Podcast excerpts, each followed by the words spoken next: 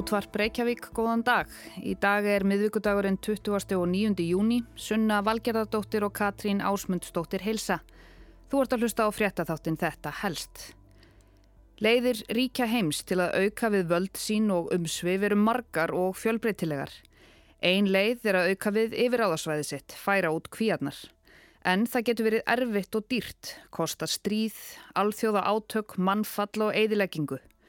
Sumríki hafa því leitað nýra og frumlegri leiða. Eins og Kína sem hefur undanfarin átta árið eða svo bara búið til landsvæði þar sem eru engin. Reist hverja manngerða flóteina í söður Kínahafi á eftir annari. Bætt um það byl 13 ferrkilometrum við yfiráðasvæði sitt á síðustu árum og fáum nágrunum sínum til mikils ama. En hvers vegna? Hver er tilgangur þessara eiga? Undir hvað eru þær nýttar og hvaða áhrif hafa þær í alþjóðlegu samhengi?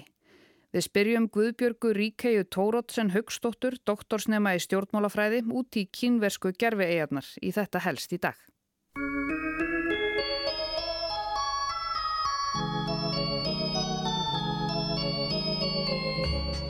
Við búum öll í samfélagi manna Ávinningurinn af því er mikill, hér eru lög og reglur sem tryggja réttind okkar og öryggi en setja okkur á sama tíma skorður og mörg til að dæmið gangi upp.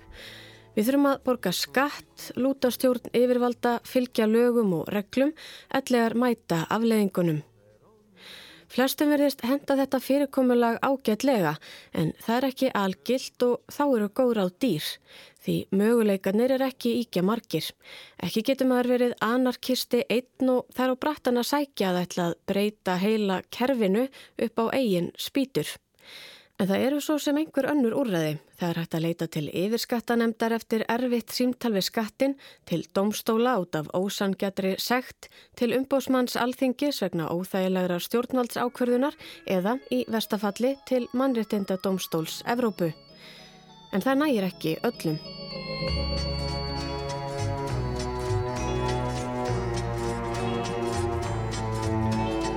Ósáttur við yfirbóðara sína í heimalandinu á hvað ítalski verkfræðingurinn Giorgio Rosa að gera eitthvað í málunum, verða sér úti um sér frelsi, stopna sitt eigi ríki þar sem enginn geti sagt honum fyrir verkum. En hvernig fer maður að því þegar öll landsvæði jarðarinnar eru þegar í eigu einhvers, þegar undir stjórn einhvers? Jú, verkfræðingurinn og hugsunamaðurinn ákvaða byggja bara eigið landsvæði, gera sína eigin eigi út í sjó. Engin átti nú sjóin og það gerðan. Dopo dieci anni l'idea dell'ingegnere si è concretizzata. Fyrsta mæ 1968 stopnaði Giorgio Rosa líðveldið Rosa eiguna, sjálfstætt ríki með eigin stjórnarfar, eigin lögsögu, tungumál, skjaldamerki, gjaldmiðil og allt. Meira segja eigin frímerki. Og já, auðvitað leðtoga, sjálfskeipaðan, forsetta, skapar hann sjálfan, Rosa. Il primo maggio del 1968 viene proclamata l'indipendenza dell'isola delle Rose.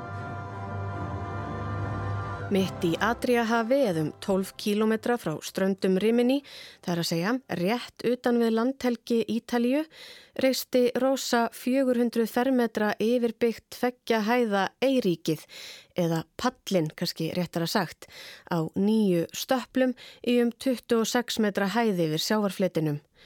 Mikilfenglegt frelsist tákn, fjármagnað og hannað af skapara þess og framúrskarandi verkviti hans. Og þar var nógum að vera, þar var líf og fjör. Gestir og siglandi gáttu sótt verslanir, veitingastað, bar, næturklub, kýft í minnjagreipaverslun á heimleið og sótt ímsa aðra þjónustu, til dæmis póstþjónustu á pósthúsi staðarins.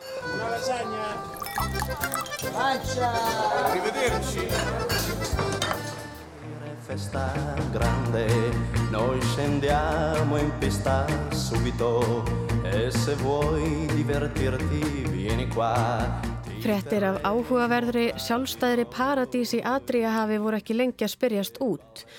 Og ekki lega lengu þar til þar var blúsandi uppgangur í ferðarþjónustu Áhuga samir túristar, ekki síst ungt fólki leitað fjöri og frelsi á ófriðartímum, flyktust á eiguna.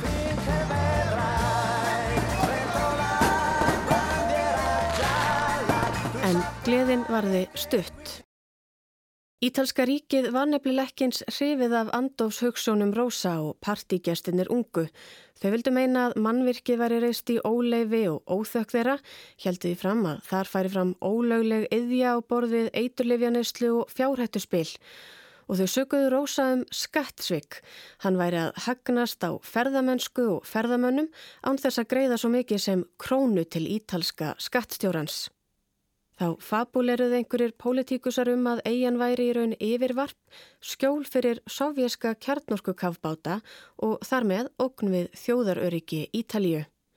Og kerfið máttugt og mikið letil skara skrýða og aðeins 55 dögum eftir stopnun Rósaeigunar var herin sendur af stað til að rýma Eiríkið sem var svo sprengt í loft upp nokkru mánuðum síðar eftir að tilraunir til að taka stöndugt mannvirkið í sundur gengi göpp og Rósa svo sendur reikningurinn fyrir sprengjefninu. Og til að komi veg fyrir að Rósa gerði aðra tilraun eða er þið öðrum fyrirmynd var landhelgin færð talsvert lengra út. En þótt sjálfstæð útópía Georgios Rósa hefði þar með endað sem rústir einar á hafsbótni við strendur Rimini, livði og raunar lifir draumur hans enn, fyrirmyndin og hugssjónin. Var einar tiljafvel áður en Rósaleg draum sem verða veruleika? Úrú frumbyggjar búa til dæmis á um 120 manngjörðum flótegjum við Titicaca vatni Peru. Eyjum sem forfeður og formaður þeirra reistu úr sefgresi og arftakar þeirra hafa stækkað við allar götur síðan. Hugmyndafræðin á bakvið flótegjurnar var svo að hægt var að færa þær millir staða ef okn stæðjaði að byggðinni. Þá er greint frá því í lesbók Morgunblæsins árið 1932 að annar stórhuga maður, Edvard Armstrong nokkur, amerískur verkfræðingur og uppfinningamadur, hafi higgju að reysa átta flótegjur á flugleiðinni þvert yfir Allandshaf. Það áttu flugvilar á langferðagitale til að fylla á tankin á meðan gestir getur sér á veitingum eða drikkjum á veitingastöðum eigunar eða legðu sig á hóteli. Hann hafði unnið að hugmyndinni frá 1913 og hafði aflað fjármaks til umfangsmikils verksins 1927. Allt var því á áætlun eða þar til kreppan skall á. Þegar svo tími var komin til að halda verkinu áfram á tímum setni heimstrialdarinnar hafði tækninni fleikt svo mikið fram að ekki var lengur þörf á annars brilljant hugmynd Armstrongs. Nú voru til langdrægar þotur sem ekki þurfti að fylla af eldsneiti á miðri leið. En þótt hugmyndinans væri orðin úrelt hvað flugtækni varðaði, var hún þó nýtt þegar ólíufélögin fór að hanna ólíuborpalla.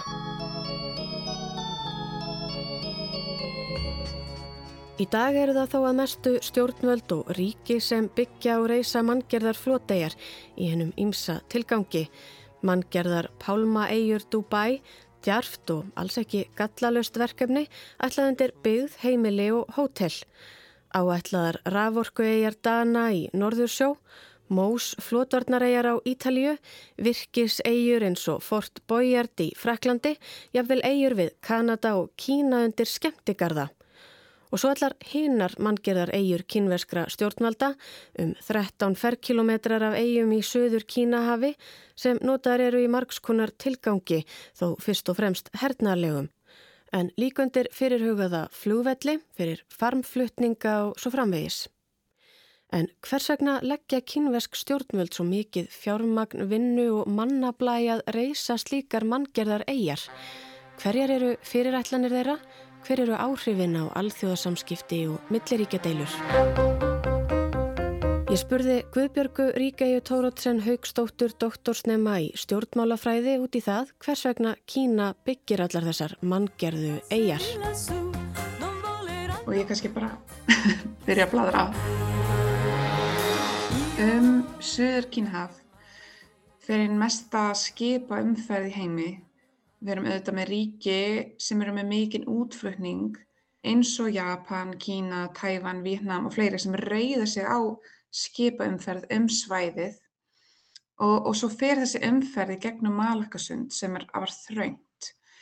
En hvað eigarnar varðar þá snúist þær raun og veru um auðvitað líka auðlindir og hernað. Á svæðinu í Suður Kínahafi eru miklar fiskilindir og ólíulindir Þannig að með því að tryggja yfirraðan yfir svæðinu hefur líka aðgengi að þessum auðlindum og svæðið er hernalega mikilvægt, ekki bara fyrir Kína heldur önnur ríki og það eru mörg ríki sem gera tilkall til hluta af Suður Kínahafi út frá alþjóðalögum, eh, til að mynda Vietnám og Philipseyjar. En það sem kínvastjórnvöld hafa verið að gera er að taka eigjar sem aðra þjóður gera tilkall til og byggja þar aðstöðu fyrir hersinn og svo búa til þessar gerfi eigur eða búa til nýja eigur sem þær koma svo herstöðum á. Þannig að þar eru í raun og veru notaðar uh, undir hernað. Uh, þetta hefur auðvitað aukið spenn á sæðinu til muna og skýtur svolítið skökku við að kínurski kommunistaflokkurinn segist alltaf að tala fyrir samtali en í raun fara svo harkalega gegn vilja nágranna ríkja sinna. Og raukinn fyrir þessu er í fyrsta lagi að, að svæðið sé hluti af umröðasvæði Kína og Kína hafi sögulega rétt til þess að uh, nýta þessar eigur sem að búa til nýjar og svo í öðru lagi segir kínum stjórnvöld að þetta sé gert til þess að vega móti aukinni hernaðalegri viðvöru bandreikina en bandreikin hafa á síðastlegum áratöðu svo aukið uh, hernaðalega viðvöru sín á svæðinum til að mynda á Filipsegjum sem að sykla skipinum sínum á þau svæði sem Kína gerir tilkætt til. Eins og ljóst að það er kannski ekki, eh, ekki negin ein ástæða fyrir þessu, heldur er þetta markþætt. Það er að segja að tryggja útflutning, tryggja aðgengja auðlundum og að auka hernaðlega getu sína.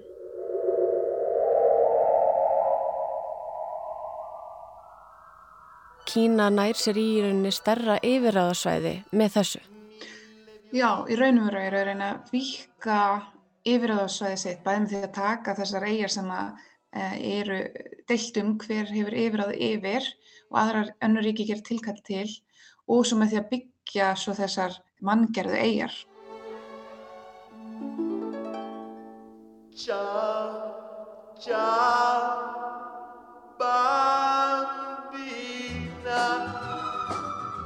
Veistu eitthvað um nokkuð hvernig kannski svona alþjóðarsamfélagið lítur á þetta, má þetta bara, má bara ríki búa sér til meira landsvæði þar sem það vill? Eh, mér skilst út frá alþjóðalögum að innan þinnar landhelgi máttu búa til eigjar. En það sem eru þetta að gersta hér er að, að það eru þetta deilt um hvort að Kína eigi þetta yfir höfuð og fáir sem viðkjanna að Kína ráði yfir þessu svæði og að búa til þessar eigjar er því að fara gegn e, allavega sátt á svæðinu um, þannig að þú máttur einhvern veginn kannski ekki gera eigjar á, á yfiræðisvæði annara ríkja sem að er það sem að önnur ríkir að segja að Kína sé að gera.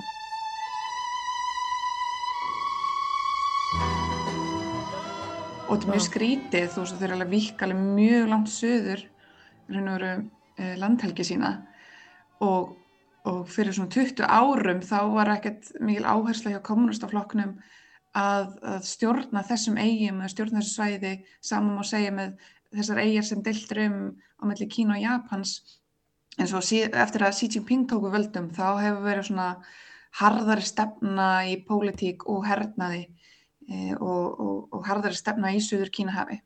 Xi Jinping vil auðvitað auka Pólitist vægi Kína í heiminum, styrkja Kína hernaðlega, þannig að frá því sem þú er kannski ekki skrítið hans ég að gera þetta, en auðvitað er þetta auka spennu á svæðinu ótrúlega mikið. Þetta saði Guðbjörg Ríkei Tórótsen Haugstóttir doktorsnemi í stjórnmálafræði. Hún rætti við okkur um manngerðar eigjar kínveskra stjórnvalda í söður Kínahafi. En þá er þessu lokið hjá okkur í þetta helst í dag. Við verðum að vanda hér aftur á sama tíma á morgun en þanga til þá veriði sæl.